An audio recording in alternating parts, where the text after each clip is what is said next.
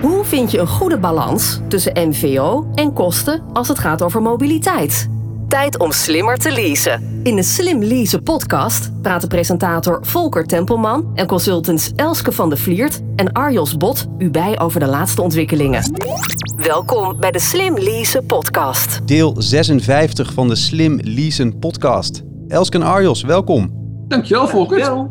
Luisteraars, jullie ook van harte welkom. We horen graag wat je van de podcast vindt. Als je wilt reageren, dan kan dat heel makkelijk op LinkedIn. Laat van je horen en tag ons gewoon in je bericht. We hebben het vandaag over hoe ICT de mobiliteit verandert. Speciale gast daarbij is Danielle Snellen, plaatsvervangend sectorhoofd verstedelijking en mobiliteit bij het Planbureau voor de Leefomgeving.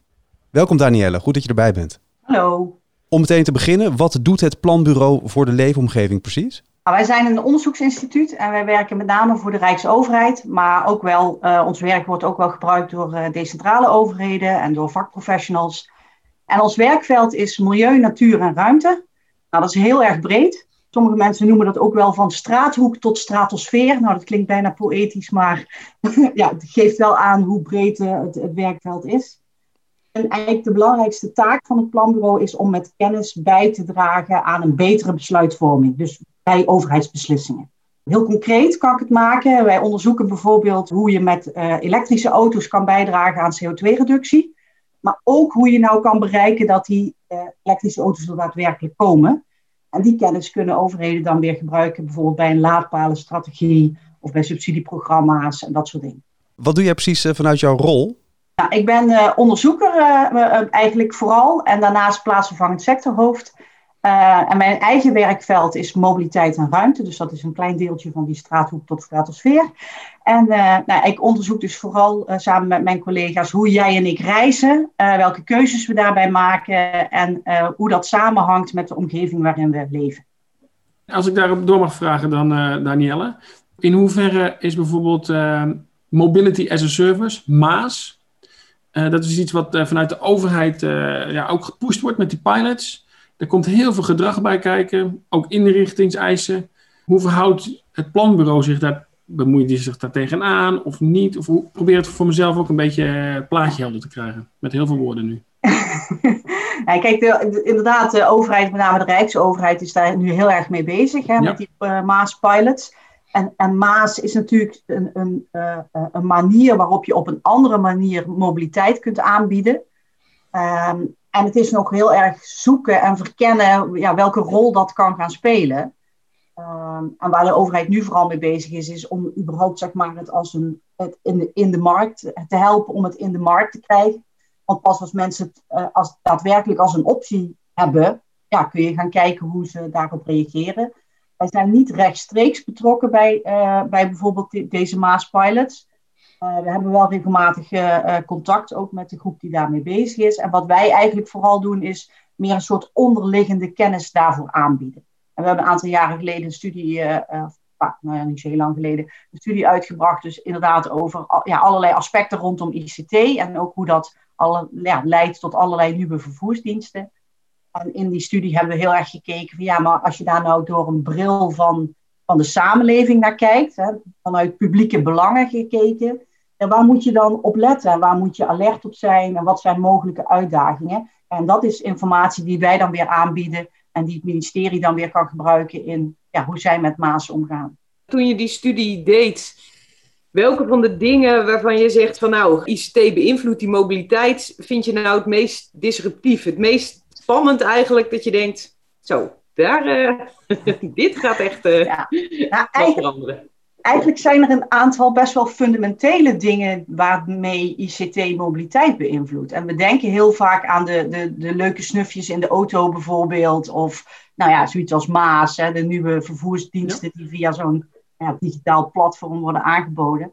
Ja. Maar eigenlijk beïnvloedt ICT op best wel fundamentele manier uh, uh, uh, onze mobiliteit. En ten eerste om, omdat het onze bestemmingskeuze verandert. Het verandert wat we als opties zien om naartoe te reizen. En ja, daar ligt natuurlijk de basis voor, voor mobiliteit. Het gaat erom dat je ergens naartoe wil. Yeah. En door, door ICT weten we eigenlijk veel meer ja, waar je naartoe zou kunnen. je weet uh, over, die, over een designwinkel in de achterhoek, of nou ja, een hele hippe camping in, in, in Italië ergens, maar ook ja, veel, veel eenvoudigere dingen gewoon in je directe omgeving. Mhm. Eh, en daarmee uh, ja, heeft ICT dus echt invloed op de patronen die we, de reispatronen. Dit is de Slim Lease podcast met Volker Tempelman, Elske van de Vliert en Arjos Bot. Danielle, hoe zou jij in dit kader ICT uh, eh, omschrijven? Wat is dat dan precies? Nou, wij, hebben heel, wij definieerden het in, dit, in onze studie heel breed. Dus eigenlijk alles wat met informatie- en communicatietechnologie te maken heeft. Dus alles wat met digitale technologie te maken heeft, uh, hebben wij zeg maar meegenomen. dus dat gaat van informatie op internet tot uh, technische uh, toepassingen in voertuigen, allerlei technologie voor die, die verkeersregelaars gebruiken hè, in de verkeerscentrales om het verkeer te laten doorstromen, tot uiteindelijk bijvoorbeeld de zelfrijdende auto aan toe.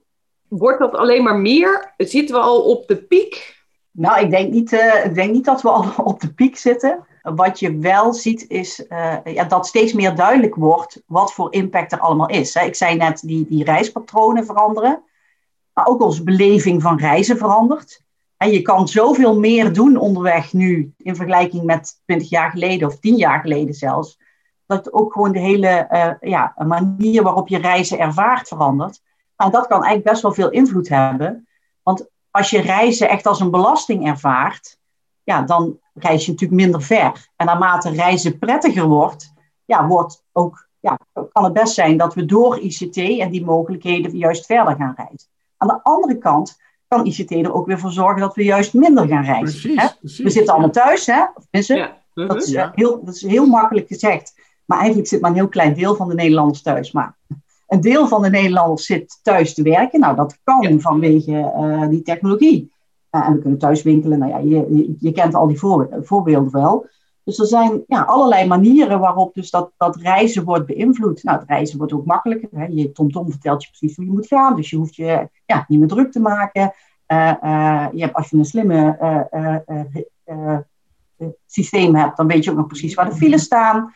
Dus ja, het wordt allemaal, ja, voor een, voor een aantal dingen worden, worden makkelijker. Een aantal dingen weten we meer. Mm en dan zit er eigenlijk ook nog een andere kant aan, want het wordt ook allemaal op een, een of andere manier ook wel moeilijker en afstandelijker. En dat is een kant van uh, die, ja, die mensen vaak niet zo snel op het netvlies hebben staan. Kijk, vroeger kon je kiezen, ik ga lopen, ik ga fietsen, ik ga met openbaar vervoer of ik ga met de auto. Nou, als, de, als de hele luxe gelegenheid was, ging je misschien met een taxi. Nou, dat was wel echt heel bijzonder. Uh, als je dan met de trein wilde, dan ging je naar het station en dan kocht je een kaartje bij het loket. En die mevrouw of meneer die zei dan, oh dan moet je op spoor 3 zijn. Uh, Maar nu heb je kaartautomaten of je moet een kaartje online kopen. En een treinkaartje heet nu een reisproduct. Nou, wie dat bedacht heeft, ik weet het niet. Maar ja, dat maakt het natuurlijk niet toegankelijker. En moet je je voorstellen dat je iemand bent die niet helemaal ingewerkt is in al die moderne, hippe dingen. En dan denk je, een reisproduct. En, en hoe moet ik nou met de trein? En hoe werkt dat? Uh, je ziet dat ook bij die diensten. Hè? Je moet daar een abonnement voor hebben en een wachtwoord en een internetverbinding. En je moet maar snappen hoe die app werkt. En zelfs bij je auto moet je tegenwoordig maar... Ja, die auto gaat ineens van alles vanzelf doen. En ja, snap je dat nog? En is dat voorspelbaar? En vind je dat eng? Dus het zijn allemaal ja, uh, uh, nieuwe kanten die erbij komen. Uh, en er zijn heel veel positieve kanten, maar voor een deel van, van de bevolking ja, zitten er ook wel uh, negatieve kanten aan. Hoeveel is dit nou markt die gewoon dingen ontwikkelt en hoeveel komt door beleidskeuzes die de overheid maakt?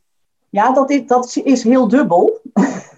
uh, voor een deel is het markt en voor een deel kan die markt dat alleen ook door keuzes die de overheid, overheden in het verleden hebben gemaakt. Um, en het grappige is, als je het gesprek hoort over eh, ICT in heel veel domeinen, maar ook in mobiliteit, dan gaat het heel vaak over het komt op ons af en we moeten er iets mee. Alsof die technologie allemaal maar uit de hemel komt neerdalen. En dat is natuurlijk helemaal niet zo. Uh, en ja, er zijn natuurlijk heel veel marktpartijen die, die tools ontwikkelen, uh, omdat ze daar potentieel in zien. Nou, dat is hartstikke prima. Maar heel veel van die tools die zijn alleen maar mogelijk omdat ze daarbij gebruik maken van dingen die door overheden georganiseerd zijn. En neem bijvoorbeeld GPS. GPS is volledig overheidsgefinancierd. En er zijn heel veel bedrijven die tools ontwikkelen die GPS gebruiken, waar ze ook vaak best veel winst mee maken. Maar ze betalen geen cent voor die GPS. dat is eigenlijk best gek als je daarover nadenkt. Dat, dat ja, de, de, de grote uh, bedrijven, uh, ja, begin, begin maar gewoon met, met, met de TomToms en de Garmin's en dat soort dingen. En die betalen daar gewoon geen cent voor. Maar ook bijvoorbeeld Uber betaalt ook geen cent voor de wegen waar ze op rijden. Want de auto's zijn ook niet eens van hun. Dus degene die de, de wegenbelasting betaalt, ja, dat is niet Uber. Dit is de Slim Lease podcast. En hoe zit dat met autonoom rijden? Daar speelt dat dus ook. Kijk, die, die zelfrijdende auto, dat is echt wel een, een ingewikkeld ding. En je ziet ook dat uh, een aantal bedrijven die daar heel enthousiast aan begonnen zijn, ook al aan weer teruggekrabbeld zijn. Ja. Uh, want het is gewoon echt ongelooflijk ingewikkeld. Uh, als je naar het debat kijkt, en ook ja, zowel in, in de vakwereld, maar ook in de wetenschap, dan, dan ja, loopt het uiteen van mensen die zeggen, nou, het is er over tien jaar, tot mensen die zeggen, het komt er nooit. Het gaat nooit lukken, ja, op de snelweg misschien wel, maar niet, niet ja. 100% overal, altijd, onder alle omstandigheden. Dus het is een ontzettend ingewikkeld product. En daar zit wel ook vanuit, als je weer vanuit die publieke bril kijkt, wel een interessant aspect aan. Want op een gegeven moment kom je natuurlijk op het punt dat uh, uh, fabrikanten het best prettig zouden vinden als overheden uh, de stad wat eenvoudiger zouden maken. Hè? De, de, de infrastructuur robotproof zouden maken. Ja, ja, ja, ja. Uh, maar daarmee, ja, dat, dat, is, dat is geen sinecure. Ten eerste is dat best ingewikkeld, maar het heeft ook een enorme impact op je publieke ruimte. als je zegt van nou, wij willen uh, de, de, de wegvakken ook in, in, de, in de stad of in de dorpen, willen we eigenlijk afschermen, want dat ga je dan eigenlijk doen. Want die, ja, die technologie kan nog helemaal niet omgaan met rondwaaiende ballonnen, overstekende kinderen en, en dat soort dingen. En ja, dan, ga je dus, dan ga je dus naar een, een afbakening potentieel in de openbare ruimte toe, waarvan je moet afvragen, ja, ja maar hebben, willen we dat nou over hebben voor deze technologie? Dat zijn de punten waarop je, denk ik, uh, als samenleving en dus als overheid heel goed, moet kijken van ja, uh, zijn wij er nou voor de technologie of is de technologie er voor ons? En wat willen wij dat die technologie voor ons doet? En van daaruit redeneren in plaats van, oh, het komt op ons af, we moeten er iets mee. Uh, dus we moeten reageren. Nou, soms hoef je, moet je misschien helemaal niet reageren. Uh, en dat debat moet wel gevoerd worden. Kijk, ik, uiteindelijk, een planbureau zegt niet je moet het wel of je moet het niet doen. Maar wij zeggen wel, ja, let op, op het moment, voor je het weet, gaat het er sluipenderwijs in. Ja. Uh, een aantal jaren geleden werd er een onderzoek gepubliceerd, dat uh, was uitbesteed uh, door de gemeente Amsterdam, door de Boston Consultancy Groep. En die hadden een heel rapport geschreven over hoe de stad aangepast moest worden om zelfrijdend auto rijden. Zelf, uh, of autonome ja. auto's mogelijk te maken.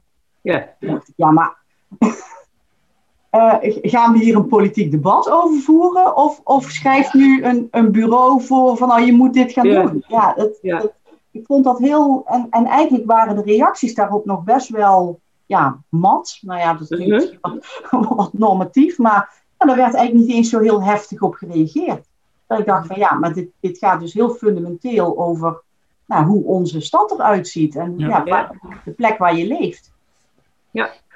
Hey, en uh, jij hebt zelf natuurlijk ook dat onderzoek gedaan uh, naar ICT in de mobiliteit. -huh. Daar kwamen een aantal beleidsuitdagingen uh, naar voren. Wat zijn wat jullie betreft de belangrijkste beleidsuitdagingen daarbij? Uh, nou, er zijn er uh, eigenlijk vier die wat ons betreft uh, heel belangrijk zijn. En die eerste die heeft, die noemen wij de dans van de muis en de olifant. Oh, Zo mooi. En, ja. ja. soms is het leuk om, om, om ja, dingen net iets, iets anders te benoemen. Je hebt, je hebt de olifant, dat is de infrastructuur.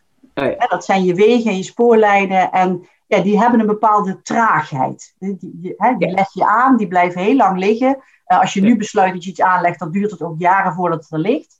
Die, Ja. dat, ja, is gewoon inherent traag. En dan heb je die muis, dat is eigenlijk onze gedragspatroon. En met ICT kunnen die nog veel sneller veranderen dan dat ze dat in het verleden misschien wel deden. Ehm, Maar ja, hoe snel die patronen ook veranderen, je, je kan die olifant niet sneller maken. Dus ergens zullen die twee met elkaar in balans moeten komen.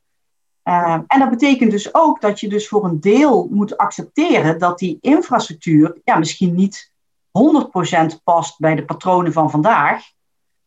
Maar ja, uh, het past ook niet 100% bij die van morgen en eigenlijk ook niet 100% bij die van gisteren. En als hij dat wel zou doen, dan betekent het waarschijnlijk dat je gewoon heel veel geld verspild hebt. dus je moet daar ook een beetje nuchter tegen blijven kijken. Aan de andere kant biedt het feit dat je met ICT zo flexibel bent, eigenlijk ook heel veel mogelijkheden om om te gaan met iets wat niet, nou ja, 100% perfect is. Dus mhm. ja, het is eigenlijk ook wel weer een beetje probleem en oplossing in één, uh, op, op zo'n manier. Dus, dus dat is er eentje, hè? dus die, die, ja, die, die verschillende snelheden in ja, hoe gedrag verandert en in hoe je je infrastructuur en je verkeerssysteem daarop kan aanpassen. Nou, ik denk dat het heel belangrijk is, hè, waar ik er straks ook al over had, ja, er zijn niet alleen maar leuke kanten. Dus ik denk dat het heel belangrijk is dat we oog hebben voor de mensen die niet mee profiteren, of die niet mee kunnen in, in ja, die, uh, die snelheid van veranderingen en al die nieuwe tools. Ja. Ehm, ja, en dat vraagt toch ook wel om een soort visie op van ja, wat is nou eigenlijk het minimumniveau wat wij aan toegankelijkheid en bereikbaarheid willen bieden voor iedereen. Dus ook voor de mensen die daar niet zo handig in zijn. Um, ja, en hoe, hoe ja, stel je dat dan zeker? Hoe zorg je ook dat mensen vaardigheden kunnen opdoen die ze nodig hebben? En vaak wordt dat een beetje bagatelliserend afgedaan van, oh, dat zijn de ouderen, of ja, weet je. Maar dat is eigenlijk helemaal niet zo. Uh, want het is echt een, een, best wel een grote groep van de samenleving die hier moeite mee heeft. Dit is de Slim Lease podcast. Wat zijn jullie gedachten daarbij dan? Wat zijn de oplossingen die daarvoor uh, naar boven komen, bijvoorbeeld? Nou, dat je ten eerste dat je je moet realiseren dat niet voor iedereen het vanzelfsprekend is dat je even iets online regelt, bijvoorbeeld. En je ziet dat in heel veel domeinen. Op een gegeven moment heeft de Belastingdienst bedacht dat ze de blauwe brief wel konden afschaffen. Nou, dat heeft enorm ja, gebackfired, want ja, dat kon helemaal niet. Want er waren veel te veel mensen die, die dat nog niet konden. Nou, ook in mobiliteit is dat zo. Ja, eh, heel veel mensen ja, hebben gewoon moeite om. Uh, uh, en het is niet dat ze niet online kunnen, hè, dat, dat is in Nederland helemaal geen probleem. Maar ze hebben gewoon de vaardigheden niet om die informatie echt zinvol in te zetten. Dus bewustwording is, uh, is belangrijk daarbij. Uh, welke ideeën en oplossingen hebben jullie nog meer vanuit uh, het Planbureau voor de Leefomgeving? Nou, als je het over deze groep hebt, dan is het ten eerste van ja, wat, vaststellen van wat willen we minimaal bieden, ook voor mensen die dit niet kunnen. Dus dat je een soort basisonderlegger in ieder geval verzorgt voor mensen die niet al die tools kunnen gebruiken. het zit hem in, in ja, het stellen van een aantal regels en maatregelen, ook bijvoorbeeld uh, um, over hoe je regelt wie toegang heeft tot bepaalde tools. En want nu is dat vaak heel onduidelijk. Eigenlijk bepalen de, de aanbieders en de, de, ja, de, big tech bijna uh, wie er toegang heeft tot bepaalde informatie. Nou, daar zou je ook over na moeten denken. En voor een deel zit het natuurlijk ook in het, in het ja, mensen helpen om die vaardigheid wel te krijgen. Want die is natuurlijk niet alleen voor mobiliteit belangrijk, die is in de hele samenleving op dit moment belangrijk en als ik nou uh, wagenparkbeheerder ben hè, of HR-manager, moet ik me hier dan ook zorgen over maken? Nou, dat ligt een beetje natuurlijk aan, aan, je, aan je doelgroep. wat, volgens mij wel interessant is, is, of belangrijk is, is dat je gewoon steeds blijft afvragen of wat je aanbiedt nog past bij wat je wil bereiken. Of wat je klant wil bereiken. Uh, en dat, eh, dat iets kan, wil niet zeggen dat het ook moet die neiging is ja, voor sommige mensen best lastig. Hè. Sommige telefoonbedrijven maken er zelfs reclame mee. Hè. Dat, ja, ja, ja. ja, nou, ik zal het niet herhalen, maar jullie, jullie kennen hem. Uh, maar ja, dat iets kan wil helemaal niet zeggen dat het moet. En uh, dus, dus steeds kritisch die vraag blijven stellen. Uh, ja, uh, voegt dit daadwerkelijk iets toe aan, aan wat ik wil bereiken? En, ja, en, en weet je, al die snufjes zijn natuurlijk wel leuk. Uh, maar we weten bijvoorbeeld ook van allerlei uh, tools die in auto's zitten, hè, de rijtaken ondersteunende systemen. Ja, dat heel veel mensen ze helemaal niet gebruiken of ze bloedirritant nee. vinden en ze uitzetten. En, ja, en dan denk je, ja, moet ik dat dan allemaal aanbieden? Of ja, of, moet ik met, hè? En aan de andere kant, ze helpen ook wel weer voor de veiligheid. Dus moet ik mensen dan gaan leren om ze te gebruiken? Dat, dat kan natuurlijk ook nog. En dat, dat, ja, het kan twee kanten op gaan. Hè. Op het moment dat je er kritisch naar gaat kijken, kan het zijn, nou, misschien moet ik ze wel niet aanbieden. Dat kan ook zijn, nee, ik vind wel dat ik ze moet aanbieden, maar ik moet zorgen dat mensen de vaardigheden hebben om ze dan ook goed te gebruiken, om die veiligheid bijvoorbeeld te verhogen. Ik ben het helemaal met je eens wat je zegt, uh, Danielle. Een ander voorbeeld uit de praktijk, wat denk ik voor onze doelgroep heel relevant is, is uh, fietsen. Uh-huh. er is natuurlijk nu sinds vorig jaar een hele mooie regeling voor de bijtelling op de fiets van de zaak, waardoor fietsen en fietsenversplannen en, en, en een leasefiets vanuit een werkgever echt wel gefaciliteerd wordt door de overheid. Uh-huh. fietsen scoort overal groene vinkjes. Hè. Het is vitaal, duurzaam, lost parkeerproblemen op. allemaal goed. Top. Maar uh, ja, veel werkgevers zitten nog in de fase dat ze het wel aanbieden. En daar houdt het op. Ja. En dan niet het daadwerkelijk gebruik van die fiets ook ja. stimuleren. En of ja. dat nou is met douches, laadpunten of een kilometervergoeding voor iedere kilometer die je zakelijk onderweg bent op de fiets. Dat zijn allemaal uh, elementen. Ja. Maar er staan eigenlijk te veel hele mooie fietsen in schuurtjes. Ja. Uh, en dat is een beetje jammer. Maar dus ja.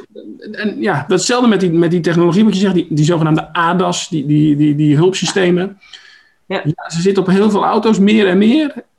En de een gebruikt ze en de ander denkt, joh, echt, laat maar, al die piepjes en ik wil het gewoon zelf uh, regelen. Ja. Dat is een leuk voorbeeld, ja. Ja, ja daar zie je dus dat het, het, het SEC aanbieden, dat dat vaak niet genoeg is. En dat zie je uh, ook, en, en dat wordt denk ik ook wel een van de uitdagingen rondom Maas, hè, waar we een beetje mee begonnen. En je kan allerlei vervoersdiensten aanbieden via platforms, uh, maar dat betekent niet dat ze per se gebruikt gaan worden. Uh, het, het, zijn altijd gewoon meerdere, ja, het is een heel samenspel aan factoren die bepaalt of mensen een, een bepaalde keuze gaan maken. Ja. En, en in heel veel gevallen begint dat met het doorbreken van gewoontegedrag. Nou, dat, ja. dat, dat is al een, een enorme stap. Ja. en, en daarom zie je ook, hè, heel veel technologie die je ziet, die voegt iets toe hè, aan wat we al hebben. Ehm, en het duurt vaak heel lang voordat het daadwerkelijk dingen verdringt. Maar dat zijn wel de momenten waarop je dus heel erg alert moet zijn. Want op het moment dat het gaat verdringen, hè, waar bijvoorbeeld die vervoersdiensten regulier openbaar voer gaan verdringen, uh, om even een voorbeeld te noemen. Uh, ja, dat zijn de momenten waarop je moet gaan opletten, bijvoorbeeld voor die kwetsbare groepen, maar ook voor ja, uh, um, is dit nog wat we willen? Dit is de Slim Lease podcast met Volker Tempelman, Elske van de Vliert en Arjos Bot. We lopen tegen het eind van uh, deze Slim Lease podcast. Danielle, vanuit verstedelijking en mobiliteit bij het Planbureau voor de Leefomgeving, welke grootste verandering zie jij de komende vijf jaar aankomen? Wat een hele grote klus op dit moment is, of tenminste aan het worden is, kijk, ons, ons nationale systeem, dat is eigenlijk goed op orde.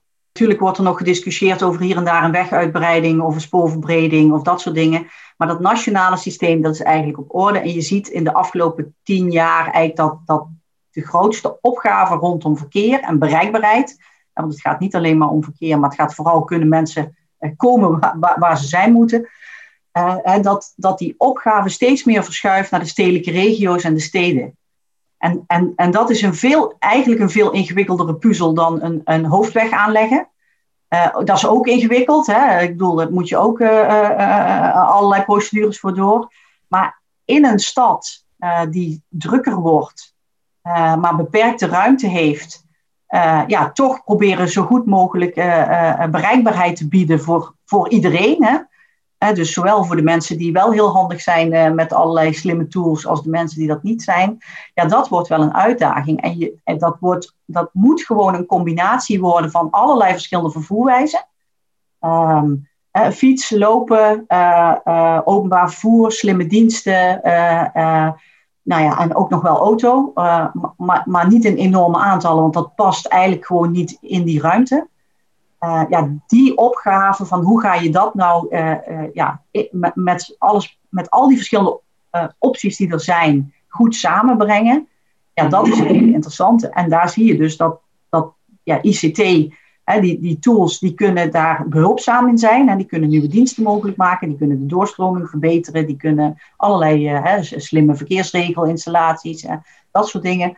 Ehm, en ze voegen ook een aantal opgaven toe, want je moet er ook weer niet te veel op leunen, want dan ja, sla je dus een deel van de bevolking over. Mee eens, Elske? Ja, zeker weten. Dat blijft gewoon iets waar je aan moet denken, ook als werkgever. Hè? Dat je goed dat aanbiedt waar al je medewerkers wat aan hebben, zonder dat je iedereen hetzelfde aanbiedt. Hè? Want dat is niet de bedoeling natuurlijk. Ik vroeg me als laatste af, heeft Danielle dan nog een tip? Heb ik nog een tip? Nou, ik heb, uh, ik, mijn oma zei vroeger altijd: niks liefde is blind, ze verrekken gewoon om te kijken. ja. En toen ik met dit onderzoek bezig was, bedacht ik mij dat dat ook van toepassing is op technologie. Want we zijn vaak heel snel, zeg maar, verblind door liefde voor ja, al die snelle, hippe dingen. Maar we moeten vooral ook blijven kijken. En dat is eigenlijk mijn, mijn tip dan. Uh, ja, blijf gewoon kritisch kijken naar wat, wat levert het me echt op. Uh, wat zijn ook de nadelen? Hè? Want die voordelen, die, die, die zie je overal wel voorbij komen. En daar zal niemand, uh, ja, iedereen zal je daar wel aan herinneren. maar blijf daar kritisch naar kijken. Ik vind het een hele mooie afsluiting. dit was deel 56 van de Slim Leasen podcast. De gast was Danielle Snellen, plaatsvervangend sectorhoofd verstedelijking en mobiliteit bij het Planbureau voor de Leefomgeving. Danielle, dankjewel. Graag gedaan. Luisteraars, jullie ook bedankt. We vinden het heel erg leuk dat je luistert. En we blijven dan ook heel graag met jullie in contact. Laat van je horen, bijvoorbeeld op LinkedIn. En tag ons gewoon in je bericht. Danielle, ben jij ook te taggen op LinkedIn? Uh, ik zit op LinkedIn, uh, Danielle Snelle, uh, makkelijk te vinden. En ik ben ook heel makkelijk te vinden via de website van het planbureau, www.pbl.nl. Duidelijk. Arjos, waar ben jij te bereiken? Uiteraard ben ik ook te vinden op LinkedIn, gewoon onder mijn naam. En via e-mail ben ik ook heel goed te bereiken. En dat is arjos.bot.arval.nl. Elske? Ja, ook ik hoor graag van je via LinkedIn, zeker weten. En mail me gewoon even op van de Vliert apenstaartje zero-e.nl. Want we horen altijd heel graag wat jullie van de podcast vinden en welke ideeën jullie nog voor ons hebben. Dat was hem. Je kan de Slim Leasen podcast terugvinden op slimleasenpodcast.nl en natuurlijk in je eigen favoriete podcast app. Bedankt voor het luisteren. Tot de volgende keer. Tot zover deze aflevering van de Slim Leasen podcast. Zorg dat je op de hoogte blijft van alle ontwikkelingen op het gebied van zakelijke mobiliteit en luister ook naar de volgende aflevering.